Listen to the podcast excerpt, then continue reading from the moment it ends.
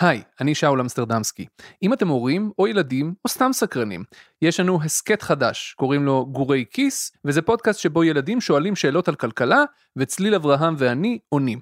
את הפרק הראשון תשמעו ממש כאן עוד מעט, אבל אם אתם רוצים לעקוב אחרי פרקים נוספים, פתחנו הסכת מיוחד בשביל זה, כך שמי שזה מעניין אותו או אותה, יוכלו לשמוע רק את זה. אז חפשו גורי כיס באפל, בגוגל, בספוטיפיי או באתר כאן, תלחצו עוקב ופרק חדש יעלה שם כל יום חמישי. תהנו. אתן מאזינות ואתם מאזינים לכאן הסכתים, הפודקאסטים של תאגיד השידור הישראלי. היי, אני שאול אמסטרדמסקי ואתם מאזינים לגורי כיס, הפודקאסט של כאן חינוכית על כלכלה. שני הילדים שלי שואלים אותי כל הזמן שאלות על כסף, המון שאלות על כסף. בעיקר הבן הגדול שלי, אלון. הוא תכף בן 12 וכסף מאוד מעניין אותו. לשני הילדים שלי אין דמי כיס. מדי פעם כשנשאר לי עודף אחרי הקניות בשוק או משהו, אז אני פשוט נותן להם, והם שמים את זה בקופת החיסכון שלהם וצוברים.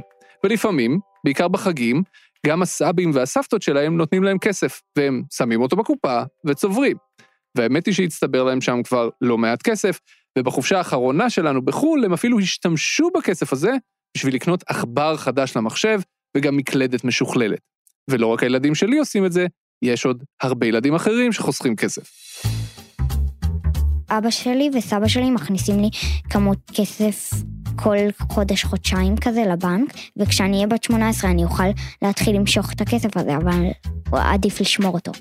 כן, יש לי כזה כאילו כספת, לא כאילו, כאילו משהו כזה קטן של ילדים, ששם כאילו אני שומר את הכסף שלי.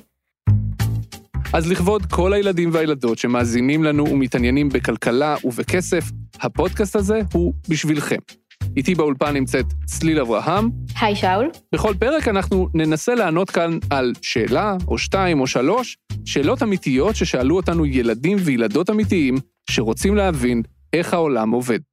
אמ, יש שאלה אחת, מה זה היצע וביקוש? מה זה משכנתה? דיברו על זה קצת בכיתה שלי, אבל לא בדיוק הבנתי. מעסיק אותי גם לדעת למה צריך לשלם עם כסף, כאילו, למה זה נוצר וכל זה. והיום בפרק הראשון שלנו, תנו לנו להכיר לכם את עומר. אני עומר פיינולס, בן עשר וחצי, מקריית אונו. תספר לי מה אתה מחזיק ביד. אה, שני דפי שאלות. וכמה שאלות יש פה בערך? אה, בוא נספור, אחת, שתיים, שלוש. אנחנו התכוננו לשאלות על מושגים כלכליים שאנחנו חושבים שאנחנו מבינים, כמו מה זה משכנתה, או מה זה היצע וביקוש. אבל עומר שאל אותנו שאלה שלא היינו מוכנים אליה. אה, שאלה מספר אחת, למה ההורים שלי לא מגלים לי כמה הם מרוויחים? למה זה מעניין אותך? אה, לא יודע, כי אני שואלת את זה כל הזמן. והם לא מוכנים לגלות פשוט. אתה חושב שחברים שלך יודעים כמה ההורים שלהם מרוויחים? לא. שאלה טובה, לא? שאלה מעולה. יש לך מושג מה התשובה? יש לי כמה ניחושים, אבל לפני זה, תני לי לשאול אותך משהו. את יודעת כמה אני מרוויח? לא, אתה רוצה להגיד לי? לא ממש, לא. את סיפרת למישהו כמה את מרוויחה? Mm, לבן הזוג שלי, כמה חודשים אחרי שהכרנו, ולשתי חברות ממש ממש קרובות. למה את לא מספרת את זה ליותר אנשים? קודם כל, כי הם פשוט לא שואלים, זה כאילו גס לדבר על זה. אבל גם כי שום דבר טוב לא יוצא מהשיחות האלה. תמיד מישהו מתבאס, בדרך כלל שהוא מרוויח מעט מדי, אז זה יותר נוח פשוט לא לדבר על זה. למה אתה לא מספר לאנשים כמה אתה מרוויח? כי נדמה לי שאם אני אלך ואני אספר לאנשים כמה אני מרוויח, אז מאותו הרגע הם יחשבו רק על זה. אם הם יחשבו שאני מרוויח יותר מדי, אז זה יפריע להם שאני מרוויח יותר מדי, או יותר מהם. ואם הם מרוויחים יותר ממני, אז הם יחשבו שאני מעפן, כי אני מרוויח פחות מהם. נראה לי שזה העניין. כלומר, אם אתה מרוויח הרבה, אז אתה מתבייש, ואם אתה מרוויח מעט, אתה גם מתבייש. בדיוק, שום דבר טוב לא יצא מזה. וחוץ מזה, נדמה לי שיש פה משהו קצת יותר בסיסי. הנה מה שסיפרה לנו דוקטור יעל הדס.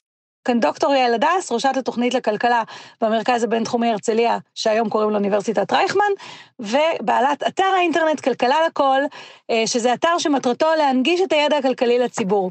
תאמינו או לא, אבל גם ההורים של יעל לא דיברו איתה על השכר שלהם. כשהייתי שואלת את ההורים שלי כמה כסף אתם מרוויחים, הם היו אומרים לי שהם לא רוצים לספר לי, זה לא עניין לילדים, זה עניין למבוגרים.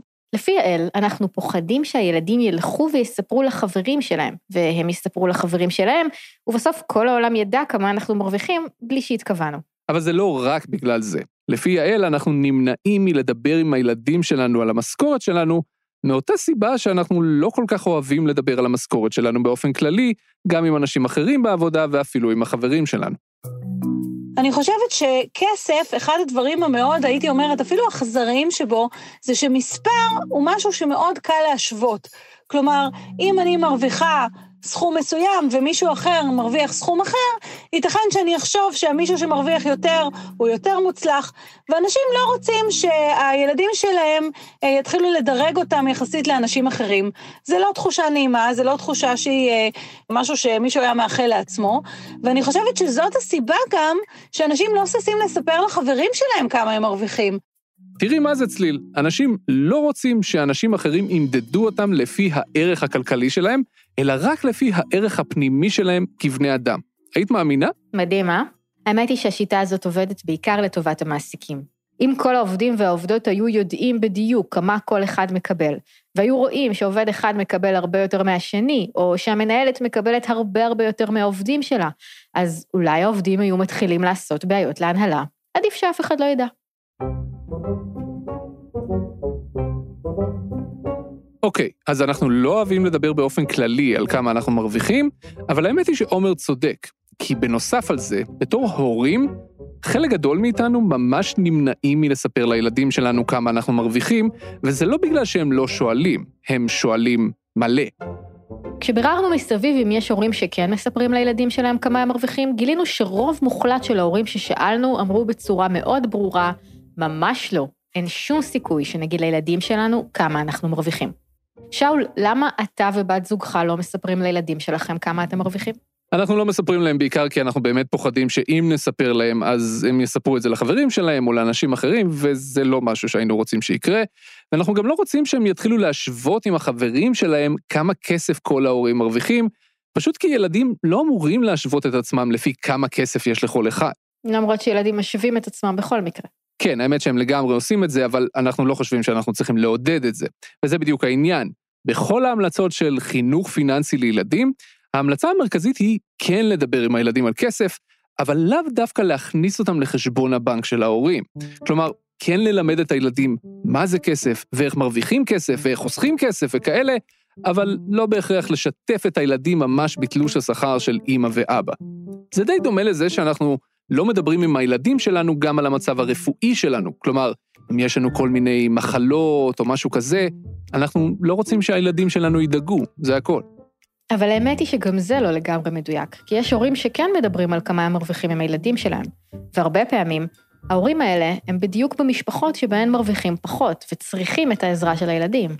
והאמת שגם זה קצת דומה לעניין הזה עם הבריאות. כל עוד אנחנו יחסית בריאים, אנחנו לא נשתף את הילדים שלנו במצב הרפואי שלנו. למה שהם ידאגו? אז בערך אותו הדבר עם כסף, נראה לי. כל עוד המצב הכלכלי של ההורים בסדר, אולי אפילו ממש בסדר, הם לא רואים סיבה לשתף את הילדים. אם חלילה המצב הכלכלי של המשפחה מידרדר, אז פשוט כבר אין ברירה. ועכשיו אנחנו מגיעים לחלק הכי מעניין בשאלה של עומר. למה הוא בכלל רוצה לדעת כמה ההורים שלו מרוויחים? ילדים זה עם סקרן, הם רוצים לדעת הכל, לא? כן, אבל לעומר הייתה סיבה מאוד מסוימת. למה זה חשוב? אני מגלה בשביל כולם. אה, אני לא יודע, ש- שאני אדע כמה אני ארוויח בעתיד, אוקיי, כי אתה חושב שאתה תרוויח מה שההורים שלך מרוויחים. פחות או יותר. ההורים שלך עושים מה שסבא וסבתא עשו? אני לא ממש בטוח מה סבא וסבתא עשו, אבל אני חושב שלא. האם ילדים ירוויחו יום אחד, פחות או יותר, את מה שההורים שלהם הרוויחו? אז מהבטן התשובה שלי היא לא, כי כמו שעומר אמר בעצמו, ההורים שלו לא עובדים באותן עבודות שההורים שלהם עבדו, כלומר הסבים והסבתות שלו, ואם אלה לא אותן עבודות, אז למה שירוויחו פחות או יותר את אותו הדבר? עומר בעצם משער השערה בנושא מאוד מעניין בכלכלה, מה המוביליות החברתית או הניידות החברתית בישראל.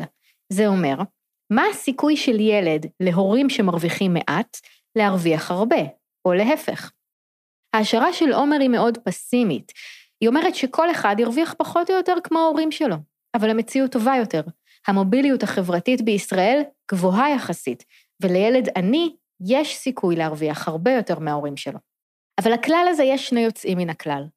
קודם כל, יש משהו שנקרא רצפת דביקה. זה נשמע די מגעיל, וזה באמת לא משהו. זה אומר שלילדים הכי עניים יהיה באמת קשה מאוד להרוויח יותר מההורים שלהם, וסביר להניח שהם ירוויחו דומה להם. היוצא מן הכלל השני הוא שאנחנו מדברים פה על כמה הילד ירוויח כשהוא יהיה גדול. אנחנו לא מדברים על האם הוא יהיה עשיר או עני, כי ילד של הורים עשירים, גם אם הוא ירוויח מעט, הוא כנראה יישאר עשיר, כי יהיה לו את כל הכסף והרכוש שההורים שלו צברו. אז לסיכום, עומר או כל ילד אחר לא בהכרח ירוויחו דומה למה שההורים שלהם ירוויחו. זה יכול להיות יותר או פחות, אבל בהחלט יש קשר בין כמה כסף יש להורים לכמה כסף יש לילדים. לפני שנסיים, בשביל לא להשאיר את ההורים והילדים שמקשיבים לנו בלי כלום, הנה בכל זאת שני טיפים להורים שכן רוצים לדבר עם הילדים שלהם על משכורות, אבל לא בהכרח לשתף אותם במשכורת המדויקת שלהם. אז הנה שוב דוקטור יעל הדס, ראש התוכנית לכלכלה במרכז הבינתחומי להרצליה, והנה הטיפ שלה לאיך הורים כן יכולים לדבר עם הילדים שלהם על שכר ומשכורות. הנתון הכי פשוט שאפשר לספר לילדים זה מה השכר הממוצע במשק. השכר הממוצע במשק הוא קצת יותר מ-11,000 שקלים בחודש. אפשר לספר לילדים שיש אנשים שמרוויחים הרבה יותר, ויש אנשים שמרוויחים הרבה פחות. אפשר לספר מהו שכר המינימום. שכר המינימום הוא 5,300 שקל בחודש, והוא צפוי לעלות ל-6,000 שקל בחודש תוך כמה שנים. וגם, כמובן, אפשר לעשות חיפוש בגוגל, יש כל מיני אתרים שנותנים מידע על אה, שכר במקצועות שונים. גם זה שיח מצוין עם הילדים, שכמובן יכול לתת לילדים גם איזשהו מושג על מה, כמה ההורים באמת מרוויחים, אם אה, הם משייכים את המקצוע לשכר, אבל בכל אופן, אה, זה דבר מצוין אה, שילדים יבינו איפה הם חיים, איזה משכורות וכולי. אז עומר, אנחנו מאוד מקווים שענינו על השאלה שלך. אנחנו בטוחים שתמשיך לשגע את ההורים שלך שיגלו לך כמה הם מרוויחים, אבל אם הם לא מגלים לך, אז תדע שזה אומר שהכל בסדר אצלכם במשפחה. אתם האזנתם והאזנתן לגורי כיס, הפודקאסט של כאן חינוכית על כלכלה לילדים וגם להורים שלהם. את כל הפרקים שלנו אפשר למצוא באפליקציה של החינוכית או באינטרנט. אם אהבתם את הפרק הזה, נשמח שתשלחו אותו גם לילדות ולילדים אחרים, בשביל שכמה יותר ילדים יוכלו לקבל תשובות לשאלות שלהם. ואם גם לכם יש שאלות על כלכלה, אל תשמרו אותן בבטן. אתם יכולים לשלוח לנו את השאלות שלכם דרך עמוד הפייסבוק של כאן חינוכית. את כל הרעיונות עם הילדים והילדות בסדרה הזו ערכה דנה פרנק. את התחקיר ערכה אפרת שייר, ועל ההפקה הייתה עדי סלם. כל הרעיונות הוקלטו בבית אריאלה, באדיבות אגף התרבות בעיריית תל אביב. תודה רבה לעורכת שלנו, נועה בן הגיא. תודה לאסף רפפורט ולרחל רפאלי, שערכו את הסאונד לכל הפרקים בסדרה. תודה רבה צליל אברהם. תודה רבה שאול אמסטרדמסקי. ותודה רבה לכם שהאזנתם.